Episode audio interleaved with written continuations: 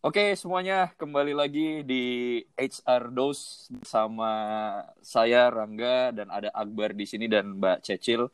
Semuanya Hai, say hi dulu dong. Halo. Hai. Yang semangat bisa nggak sih masuk hai-nya hai belum gajian ya? Belum gajian. Baru juga awal tahun 2021. Atau udah habis gajinya yang kemarin? Nah, itulah. Nah, sekarang kita bertiga nih di sini sudah berkumpul lagi ya akhirnya setelah kita eh, melalui berbagai macam drama dan pengaturan jadwal ulang karena memang yang ada di sini ini semuanya orang-orang penting bagi perusahaan masing-masing. Jadi kayak jadwalnya tuh susah gitu ngaturnya lah. Nggak pernah bisa ketemu semua, gitu. sibuk. Sibuk atau gitu so semua. sibuk? Ada yang sibuk, sibuk kan luas artiannya. Ada yang sibuk kerja, ada yang sibuk pacaran, ada yang sibuk PDKT, nggak Ada ada yang sibuk ngurus istri ya. ada yang sibuk ngurus istri macam-macam oke guys kita hari ini mau ngomong apa nih guys topiknya Kita apa ya tuh kemarin sempat kalau yang udah pada dengerin, kita akan eh, udah sedikit singgung eh, rekrutmen. Kita akan coba bahas rekrutmen Mas Rangga. Betul kita akan bahas rekrutmen nah kenapa sih sebenarnya kita perlu bahas rekrutmen ini mbak Cecil Hmm, karena rekrutmen tuh biasanya proses awal ketika kita memasuki suatu perusahaan baru nggak sih? Pasti kalau kita mau kerja di suatu korporat atau di organisasi, kita masuknya sebelumnya pasti ada proses seleksinya dulu gitu. hmm, Dan oke. kalau menurut gua eh, proses rekrutmen itu adalah proses awal kita sebagai pekerja atau siapa pun kenal perusahaan dan kenal HRD itu siapa. Iya nggak sih? Hmm, hmm, hmm.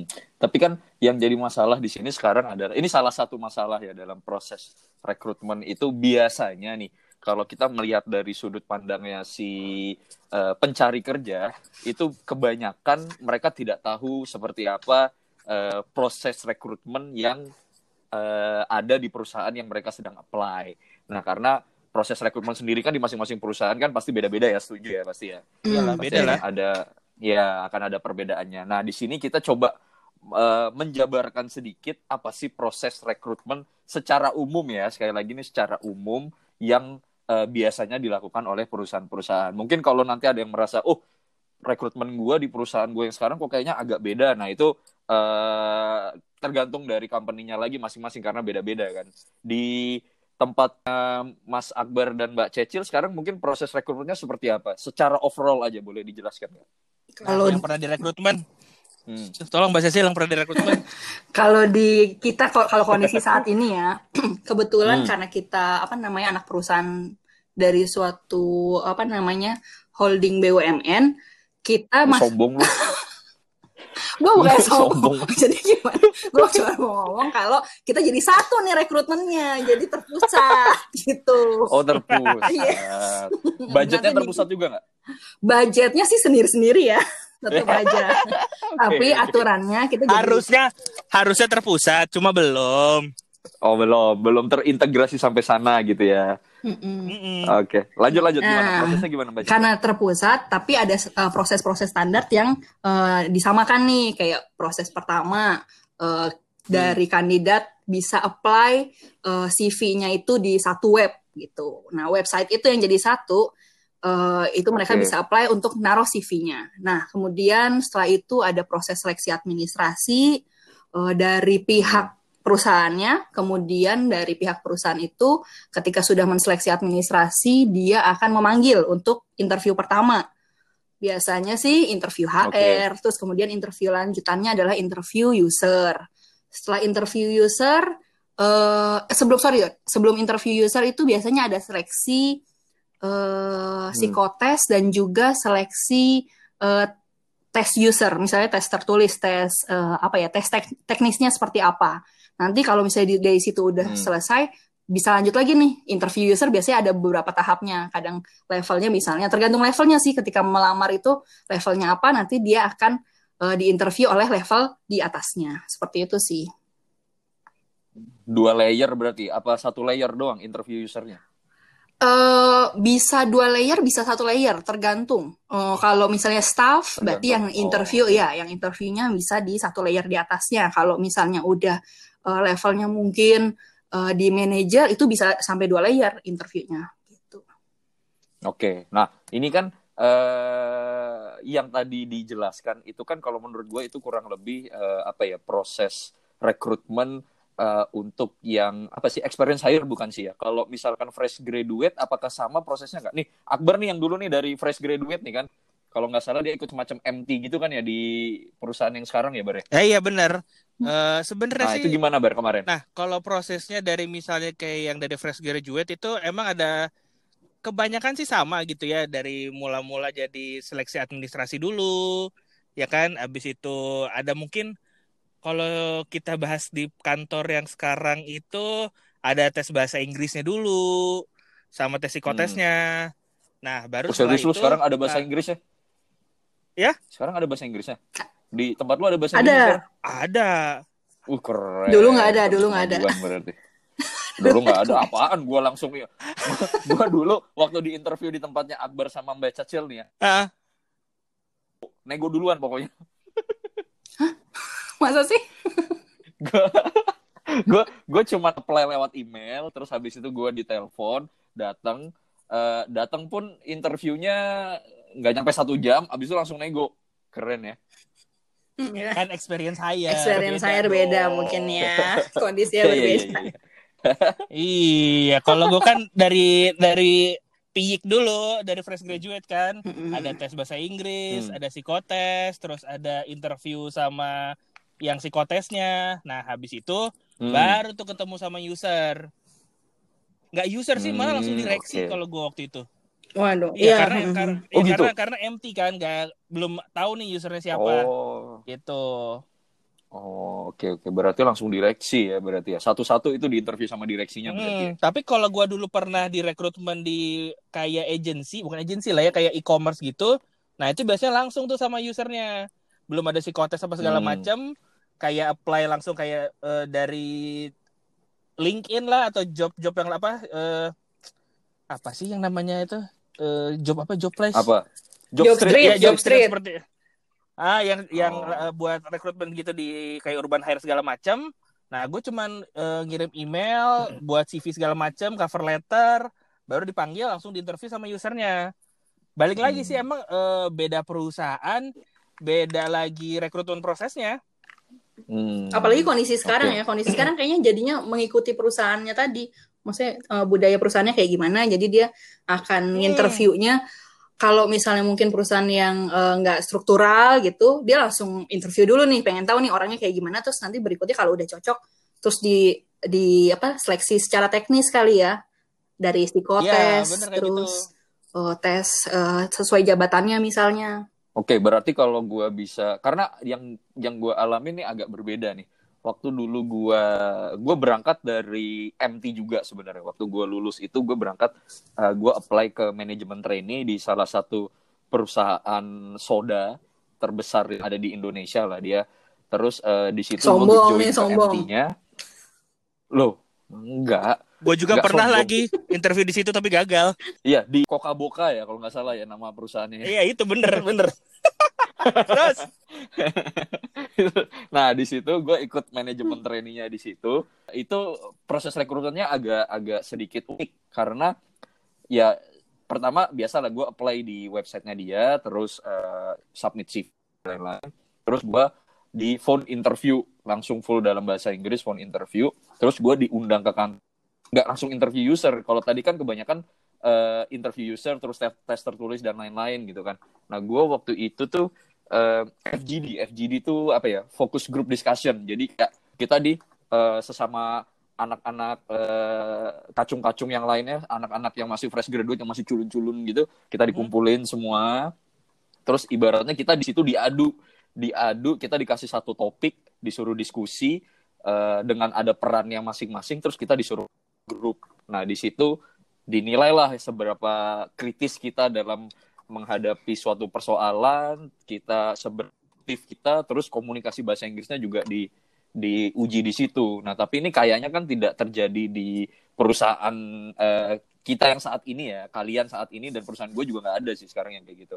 Nah, hmm. itu berarti kan semakin apa ya, menunjukkan kalau memang ya tergantung industrinya mungkin ya nggak sih, bisa bisa nggak sih kita hmm. anggap kayak gitu Tergantung Mungkin tergantung ya. levelnya juga kadang-kadang eh, Rangga, maksudnya eh, kadang-kadang kalau misalnya udah udah levelnya lebih tinggi, terus eh, butuh eh, assessment center, kayaknya FGD gitu tuh kayak bentuk assessment center gitu kan.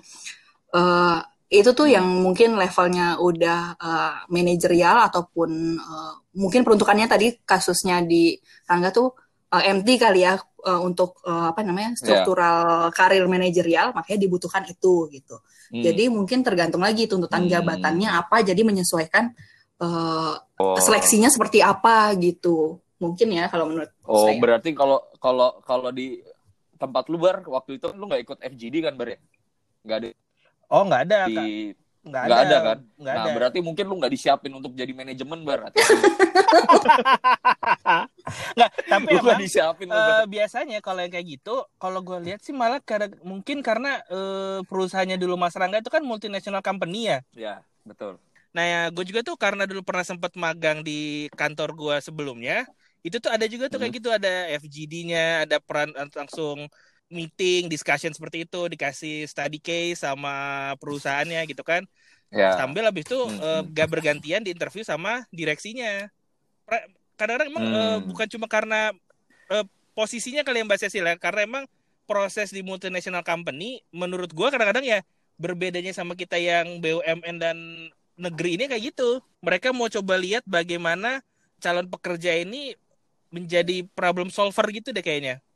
Mungkin kalau misalnya, jadi beda-beda tadi kesimpulannya sih beda-beda nih tergantung uh, perusahaannya kayak gimana nih uh, jenisnya. Kadang-kadang kan kalau kita sebagai pelamar, menurut gue kayaknya kita harus cari tahu deh, uh, karena tiap perusahaan pasti beda uh, apa proses rekrutmennya yang dicari tuh yang kayak gimana, entah dia dari sisi jenis korporatnya atau dari jenis uh, tuntutan jabatannya dia dibutuhin seleksinya apa sih? Hmm. Mm-mm. Kalau gua mah yang penting cakep aja. lu kalau milih ini milih karyawan gitu. nah itu bisa dibahas tuh pas lagi apply. Eh, ja, untuk istriku yang mungkin mendengarkan ini hanya bercanda ya. Ini cuman gini. Hmm. Yang mungkin jadi serius nggak apa-apa. Eh, Oke, terus kalau sek- itu tadi ya, eh, jadi kan kita menyimpulkan bahwa memang sebenarnya eh, proses rekrutmen itu beda-beda tergantung dari eh, bisnis industrinya, tergantung dari tadi mungkin si Akbar sempat mention bahwa eh, multinational company dengan company yang BUMN atau mungkin anak perusahaan beda secara secara eh, proses rekrutmennya. Nah, tapi ini ya kita coba mulai eh, telaah sedikit terkait dengan kondisi saat ini nih. Kondisi saat ini nih maksudnya dari sebelum pandemi ya. Kita bandingkan antara yang sebelum pandemi dan setelah pandemi ini kira-kira ada perbedaannya nggak sih? Apakah proses rekrutmen yang tadi sudah kita coba jabarkan secara umum itu terefek nggak dengan kondisi pandemi? Apakah ada proses rekrutmen yang eh, sebaiknya HR yang ada di company-company itu karena memang sekarang ada proses rek bisa diefisienkan atau seperti apa? kalau dari gua sih ngelihat karena adik gue juga sekarang lagi eh, proses jadi pekerja ya. Proses rekrutmen yang ada itu adalah banyaknya yang kalau kayak tadi Mbak Cecil kan bilang ada tes-tes harus mungkin ke tempat tesnya, ya kan? Nah, ini bia- si perusahaan-perusahaan sekarang itu sudah membuat sistem online untuk Hmm. para calon pekerjanya ini ngisi tesnya tuh di rumah aja gitu loh via sistem itu. Hmm. Cuman ada emang beberapa ketika sudah tes online, ketika ke step yang selanjutnya, mereka tetap harus ketemu ke kantornya sih. Biar kelihatannya mungkin ini beneran ngerjain apa mungkin pada saat online ngerjain dulu sampai baca-baca ke mana gitu kan. Itu. Oke. Kalau yang gue lihat sih dari sisi rekrutmen, akhirnya mensimplifikasikannya adalah harusnya ada tatap muka, ini benar-benar online semuanya. Itu sih kalau yang gue lihat. Hmm. Iya iya. Loh tapi kalau kayak gitu ada ada resikonya nggak sih? Maksudnya ada resiko eh, ada nih eh, kita sebagai orang HR pasti kan semua sudah pernah melakukan interview lah ya. Pasti kan ada bedanya nih feel ketika lu interview atau ketika lu ngetes orang secara langsung lu ketemu tatap muka sama dengan kayak gini nih eh, via online gitu. Pasti kan ada bedanya tuh feel-nya. Orang yang kadang-kadang kita ketemu sama orang tatap muka aja kita masih bisa apa ya dalam tanda kutip kita ketipu lah dengan orang tersebut ternyata Mhm. Iya betul betul. secara CV dia bagus, secara interview dia bagus, tapi ketika ternyata kerja ada beberapa hal dari orang ini biasanya sih attitude ya, attitude dari orang ini yang yang nggak sesuai dengan company kita gitu. Nah otomatis kan dengan kita tidak pernah ketemu sama orang ini kita lakukan semuanya by online chance untuk ini terjadi itu jadi semakin gede gitu. Gimana cara kita meng apa ya mensiasatinya sebelum sebelum sampai ke cara mungkin ya emang kerasa banget sih kalau misalnya uh, pas lagi zaman pandemi gini, uh, pas lagi rekrutmen melalui online kayak gini aja, masalah-masalah yang bisa terjadi atau resiko-resiko yang tadi sempat Rangga bilang ya, resikonya apa sih kalau misalnya kita perubahan rekrutmen uh, dari segi online gini, ini resiko jaringan dan juga hmm. resiko uh, apa ya, uh, identifikasi data aja itu juga harus diminim, diminimalisir tuh dari awal ketika proses seleksi.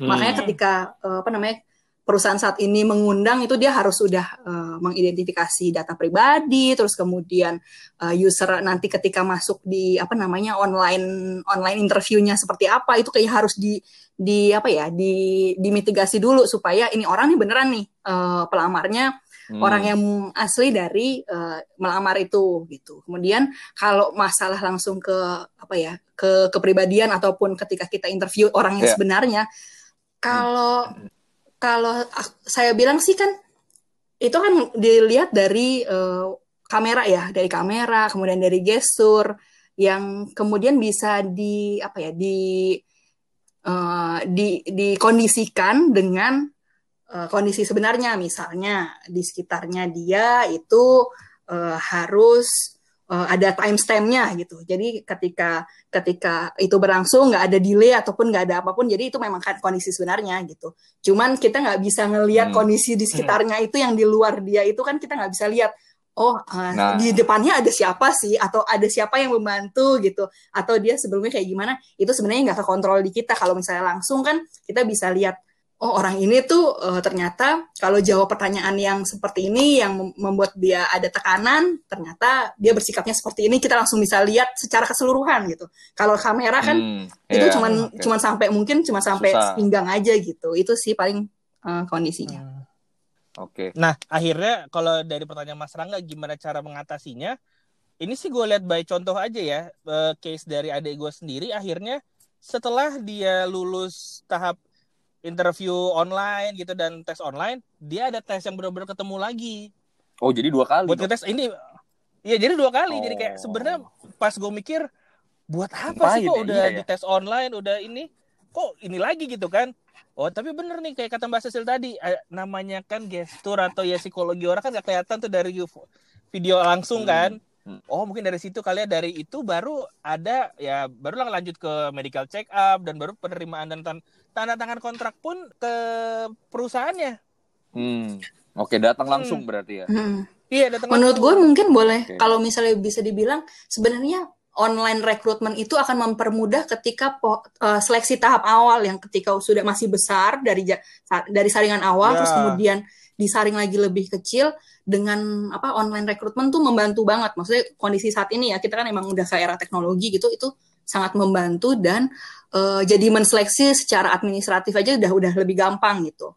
Nah, tapi kalau misalnya hmm. udah masuk hmm. ke jaringan uh, udah seleksi yang ter uh, kecil atau tersempit gitu, itu kayaknya uh, perusahaan pun pasti pengennya bisa ketemu langsung mungkin. Jadi check and recheck ya pas ketemu langsung ya. Iya, yeah, oke okay, oke. Okay.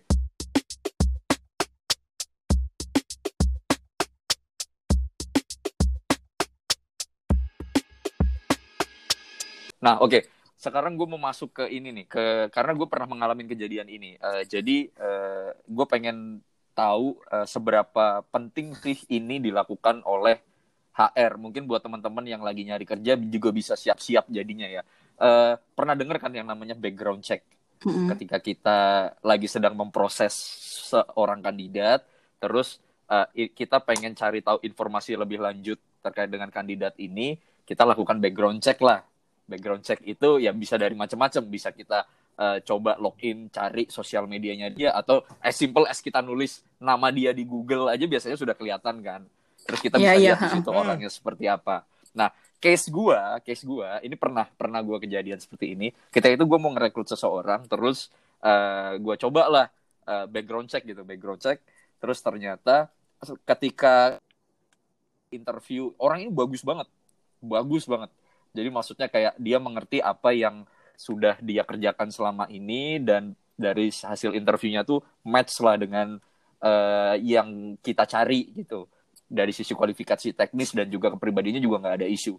Nah tapi ketika melakukan background check terbukalah itu Instagramnya di dalam mm-hmm. Instagramnya itu dia uh, memposting story yang uh, hmm? menjelek-jelekan uh, company-nya yang sekarang yang oh. sekarang dia lagi kerja. Oh, oke okay, nah, okay. nah, itu nah itu jadi terus itu jadi akhirnya membuat uh, tim gue uh, jadi kayak wah kayaknya ini nggak bisa nih takutnya tipe orangnya ketika dia punya masalah di kantor ketika dia mempunyai suatu hal yang menurut dia tidak sesuai dengan apa yang dipikiran dia tentang kerjaan di kantor dia langsung posting terkait bosnya, terkait pekerjaan dalam uh, sosial medianya dia. Nah, menurut kalian seberapa pentingkah dari dua sisi? Gue pengen nanya seberapa pentingkah? Yang pertama, seberapa pentingkah seorang HR, kita sebagai HR melakukan background check kepada kandidat-kandidat yang sedang kita proses, dan yang kedua, seberapa pentingkah bagi seorang kandidat untuk benar-benar menjaga apa ya dalam tanda kutip image dia di dalam uh, bersosial media itu. Ini soalnya ini fenomena baru kan sebenarnya kan.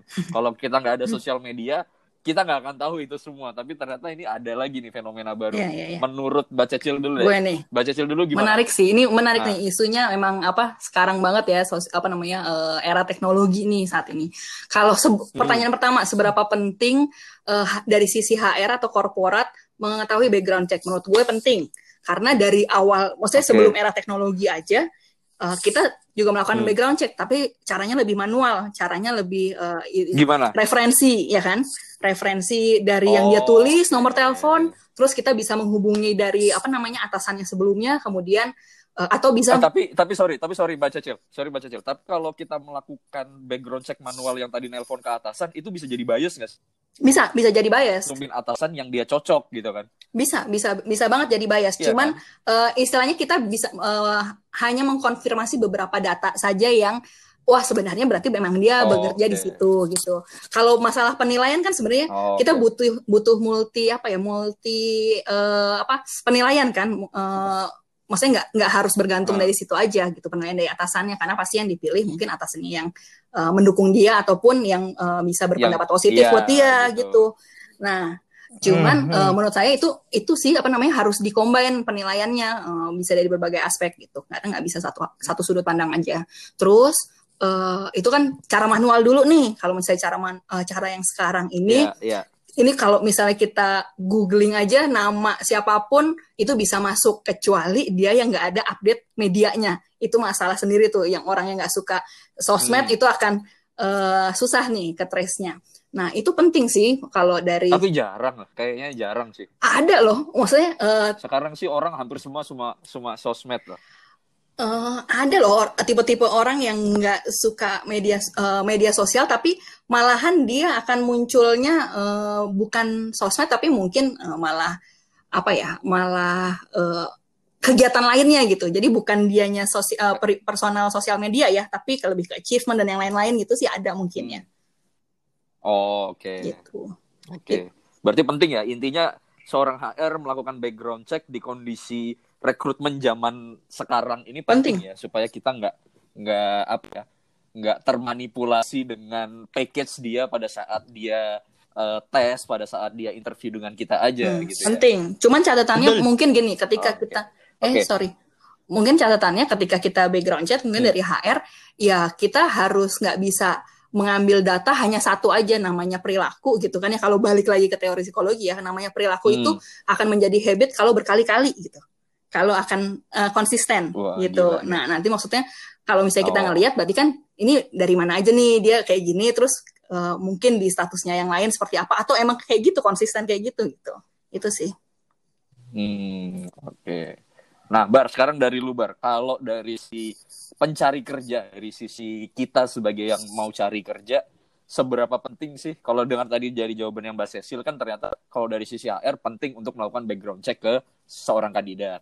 Nah, kalau kita sebagai kandidat, seberapa penting kita uh, apa ya, manage itu tadi sosial media kita supaya kalau saja sewaktu-waktu ada background check itu uh, yang kita harapkan lah yang dibaca oleh ini tuh. Gimana Bar? Menurut lo seberapa penting? Nah, ini kembali lagi namanya ini gue mencoba mencari filosofi ketika kita mencari pasangan. mencari pas gini, kalau orang jomblo gini nih, apa aja ya kan mencari pasangan. Mohon ini ini ada ini satu orang ini jomblo, multi iya. talenta. Multi sekalian aja siapa tahu kan laku nih di sini kan. Bentar nih, ya, gue ya, mau ya, jawab ya. nih. Aduh. okay, okay. Mencari mencari perusahaan untuk tempat kita kerja adalah sama mencari pasangan kita untuk hidup gitu loh. Kita kan berkembang dan bers, apa menua bersama dengan perusahaan itu. Dalam artian perusahaan pun dan pasangan kita pun mencari kita pasti melihat dari cover kita gitu loh. Ngejudge dari cover kita. Walaupun ada yang bilang don't judge book hmm, by its hmm. cover kan ya. Cuma yang namanya mau beli buku kita kan lihat covernya dulu. Nggak mungkin plastiknya dibuka iya, kan. gak boleh. Apalagi udah nggak boleh sekarang. Masa sih? Nggak nah, boleh itu coy. dia. Nah. Oke oke. Okay. nah itu dia. Balik lagi dengan sosial media. Sebenarnya kan bersosial media pun ada norma-norma yang sebenarnya tidak tertulis tapi harus kita taati hmm. lah ya. Sudah tahu kita mau apa namanya ngeplay ke suatu pekerjaan gitu loh. Dan kita emang dari dulu main sosial medianya ya nggak dikontrol lah, main hmm. asal posting lah. Itu yang kadang-kadang orang pun juga gak usah ke perusahaan deh, orang pun juga ini apaan sih kok hmm. curhat mulu lama-lama bukan positivity gitu loh yang kita munculkan malah negativity yang ke orang pun okay. juga males nah kembali ke perusahaan perusahaan kan ya pasti paling gampang lihat branding kita paling private adalah hmm. di sosial media. Sosial media ya bisa dibilang menunjukkan gimana lo sih lo yang sembrono kah, omongannya kasar dan tidak terkontrol lah. Jadi ya kalau bisa ketika emang ya apalagi di zaman hmm. sekarang ya mau apply pekerjaan ya postingan-postingannya di delete dulu lah atau jangan instastory instastory hmm. aneh dulu lah. Bukan pencitraan, tapi namanya sosial media lu adalah branding kita sebagai pekerja Betul. kan ya dari sekarang gampang banget tinggal ngelihat gitu doang kan oh dia ternyata suka foya-foya nggak usah ngomongin perusahaan deh oh kehidupannya begini ah hmm. nggak hmm. cocok nih digaji tuh apa lima oh, juta wah. nih kan okay, okay. nanti adanya dia malah ngambil duit di sini ngambil duit okay. di sana itu bisa aja kejadian okay. gitu kan apa salary tidak sesuai dengan ini gaya, gaya kehidupan itu okay. kan bisa aja dia kita kita mau ngasih dia gaji 5 juta sebulan tapi dia tiap hari nongkrongnya di Blowfish gitu kan. Waduh. Ih.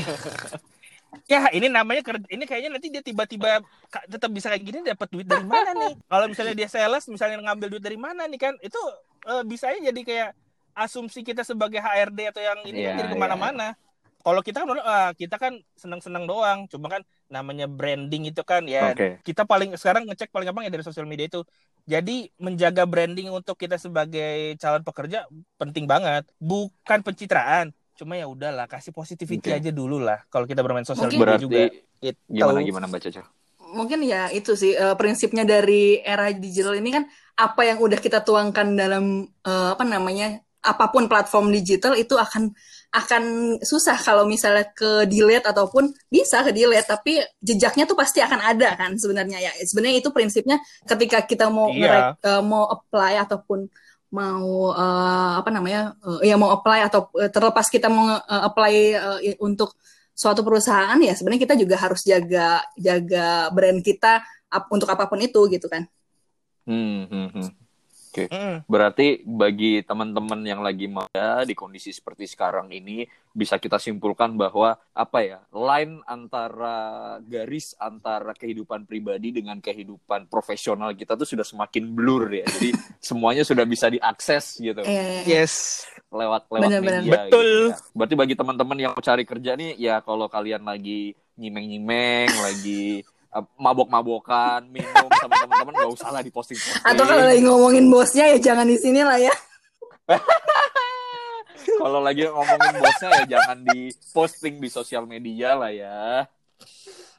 Iya, di mute lah. di close friend kalau enggak. iya. Tapi emang gitu kalau ini uh, ngeliatin tren rekrutmen sekarang ada kan emang uh, kalau misalnya dia di e-commerce malah feeds Instagramnya itu yang yeah. dia cek. Ini orang kalau jadi sosial media strategis hmm. bisa nggak sih dia lihat di sosial medianya.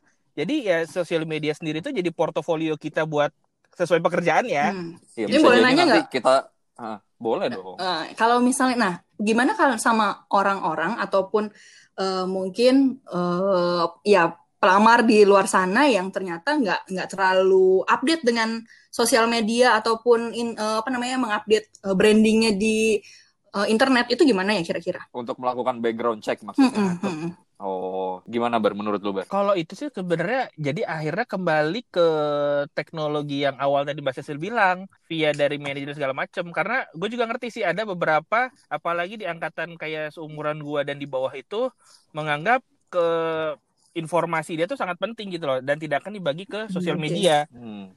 Ya mau nggak mau kita pasti pakai cara analog yang awal tadi nelpon ke manajernya atau enggak mungkin ke apa Atau- pernah magang di mana atau pernah di mana Referensinya yang seperti itu ya. Jadi sebenarnya Hmm. nggak ma- menurut menurut kalian nggak salah Mm-mm. juga ketika orang tersebut nggak nggak nggak nggak update terhadap eh, dirinya di sosial media itu gitu ya. Tapi ya, Iya ya. enggak enggak lah karena itu dia sih intelektual kita akan IT dan properti segala macam dari sosial media semakin bagus ya banyak juga berpikir kalau gua ini ke Facebook nanti nomor gua ke mana-mana kalau gua ke Instagram nanti eh, muka gue bisa dipakai ke mana-mana itu aja yang mungkin akhirnya berpikir ya ada kok beberapa teman gue juga yang sampai sekarang nggak ada juga sosial medianya dan gue juga mencari pasangan tiba-tiba di Google nggak ada oh berarti ini anak nggak main sosial media dan mungkin lebih bagus Jadi sebenarnya kan?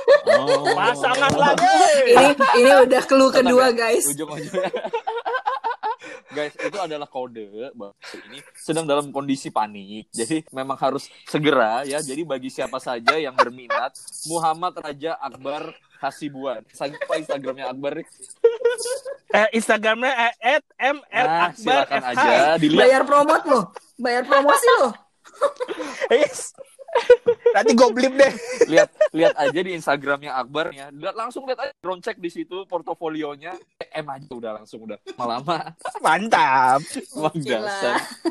Oke, tadi sampai mana jadi jadi lupa juga. Oke, Sampai nyari Berarti- pasangan. Eh, oh iya, Pak. Oke, berarti itu tadi ya, berarti memang penting nggak penting sebenarnya. Mungkin untuk tergantung, mungkin kalau misalkan kita lihat, tapi menurut menurut gue jarang sih zaman sekarang kalau anak-anak seumuran kita nih ya, atau di bawah kita itu eh, sorry kecuali Mbak Cecil, Mbak Cecil karena di atas kita. Jadi kita jadi sesuai menurut kita nih Bar ya, anak-anak seumuran kita nih Bar. Iya. Mbak Cecil nanti dulu, oke. Eh, nggak mungkin sih, tapi kayak jarang ada anak yang nggak punya media ya. Mungkin hanya sekian persen dari seluruh anak yang di dunia ini gitu ya. Jadi Iya, ya, satu banding kayak seribu lah. kayak kalau dari HR mau melakukan background check dalam proses dalam rangka rekrutmen terkait dengan backgroundnya kandidat usia kita ya pasti ada lah sosial media mereka minimum Facebook Mbak Mbak Cicil punya Facebook kan pasti Ya, gue Friendster mainnya. Gimana dong? Wah, buat buat main game. Facebook kali. Ya, nah. Ya, maksudnya eh, banyak sih pastinya kayak gitu karena kan udah era milenial juga. Eh, cuman ketika orang ada ada tipe-tipe orang yang mungkin nggak nggak mengupdate eh, sos- sosial kehidupan sosialnya di platform-platform tersebut gitu. Jadi mungkin kita bisa punya alternatif. Kalau dari segi korporat kita punya alternatif ngelihat eh, ngelihat background tuh dari referensi yang lainnya. Hmm, sosial media gitu ya. TikTok, TikTok juga sekarang lagi. Tapi nggak ada ya. orang. Kalau lu mau ngelakuin background check via TikTok, ngapain lu lihat orangnya joget-joget? Dilihat apakah, uh jog jogetnya luas nih, oke kita terima gitu. Kalau dia mau ini ya. kalau buat apa apply di Batavia Dancer gimana ayo loh. Oh iya bisa jadi. Ya kan? Oke oke oke. Oke, mungkin eh, itu ya belum kita close. Saya coba pengen summary-kan bahwa ternyata proses rekrutmen itu pertama adalah proses rekrutmen di setiap company itu beda-beda sesuai dengan industrinya, sesuai dengan eh, Akbar tadi mention bahwa multinational mungkin berbeda dengan eh, BUMN atau perusahaan dalam negeri. Terus juga eh, salah satu fenomena yang sekarang terjadi adalah itu tadi background check. Karena memang sekarang marak sosial media dan lain-lain jadi background check ini menjadi semakin penting di dalam sebuah proses rekrutmen itu ya. Jadi bagi teman-teman yang lagi cari kerja ya harap lebih bijak lah dalam menggunakan sosial medianya. Karena bisa itu digunakan sebagai background check ketika teman-teman ini mau mengapply sebuah pekerjaan gitu ya. Nah, rekrutmen itu kan identik dengan si bahas CV di episode kali ini. Kita akan bahas di episode selanjutnya. Kita akan bahas apa sih tips-tips yang baik atau apa sih yang jangan dilakukan kalau kita uh, membuat CV. Tapi itu nanti di episode selanjutnya. Nah, di, di episode ini gue pengen minta satu kalimat dulu aja dari kalian terkait dengan rekrutmen atau satu tips lah satu tips buat teman-teman yang lagi nyari kerja apa sih uh, yang terkait dengan proses rekrutmen tuh apa sih tipsnya atau triksnya seperti apa dari Akbar dulu coba Ber. Kalau gua tipsnya untuk buat rekrutmen dan mungkin nanti akan dijelasin di episode selanjutnya bikin cover letter itu jangan okay. general dalam artian lu mau apply ke perusahaan yang berbeda cover letternya sama gitu loh atau surat keterangan apa pendahulunya sama karena HRD itu pindah hmm. pada pinter-pinter ah ini kopian uh, nih. apa namanya suratnya buat hmm. ke mana-mana nih kopian nih udah kodian nih ah ini buat ke sini ke sini ke sini gitu kan dan satu lagi ketika emang nanti pada saat rekrutmen dan interview bawalah branding kalian sebaik mungkin gitu loh tunjukkan positivity kalian eager kalian buat kerja di perusahaan tersebut gitu kan yang insya Allah ya kalau emang rezekinya ya pasti ke rekrut di perusahaan okay. yang kalian mau dari Mbak Cecil kalau gue soal uh, rekrutmen sih, ketika kita mau apply sesuatu, ya pertama kita harus uh, sebagai pelamar ya, uh, sarannya sih kita harus ketahui dulu sih kita maunya yang seperti apa, dan ketika kita udah tahu goalnya mau ke perusahaan apa, ya kita pelajari dulu nih, uh, apakah hmm. sesuai apa enggak. Jangan sampai tadi yang sempat disebut sama Akbar, uh, kita apa namanya, me, uh, apa namanya, membuat image yang kita bentuk itu nggak seperti diri kita sendiri gitu. Jadi lebih baik hmm. tampilkan apa adanya tapi ya yang terbaik dari situ gitu. Jadi buat pelamar sih sebenarnya ya tampilkan diri apa adanya aja walaupun nanti ada brand-brand yang ditampilkan yang baik itu yang malah yang tertangkap dari si korporatnya itu. Gitu sih. Oke. Mungkin kalau dari gue dikit aja ya. Kalau dari gue mungkin bagi teman-teman yang lagi sedang dalam proses rekrutmen atau baru mau apply atau uh, mungkin sudah sedang dalam proses tapi kok nggak dibales-bales sama HR-nya nggak dikasih kabar kelanjutannya seperti apa, saran saya adalah cari yang lain, nggak usah ditungguin. Biasanya HR itu karena memang saking banyaknya kita nggak sempat replay satu-satu ke kandidat-kandidat, terutama kandidat yang tidak lolos. Jadi ya sudah, ditunggu aja. Seminggu, dua minggu nggak ada, udah move on gitu. Jangan kayak Akbar nggak move on, move on. Jatuhnya sampai sekarang jomblo mulu jadinya kan. Jadi ya udah. Eh, Jadi, dia udah on ke perusahaan oh, berikutnya oh, atau ke calon berikutnya. oh, kan. Sedang diusahakan. Oke, mungkin dari kita bertiga itu aja uh, teman-teman uh, eh, HR dos ya. Jadi uh, kita akan ketemu lagi di next episode kita bahas terkait dengan uh, do and don'ts-nya dalam membuat CV. Oke, okay, stay tune semuanya. Thank you dan bye-bye. Bye.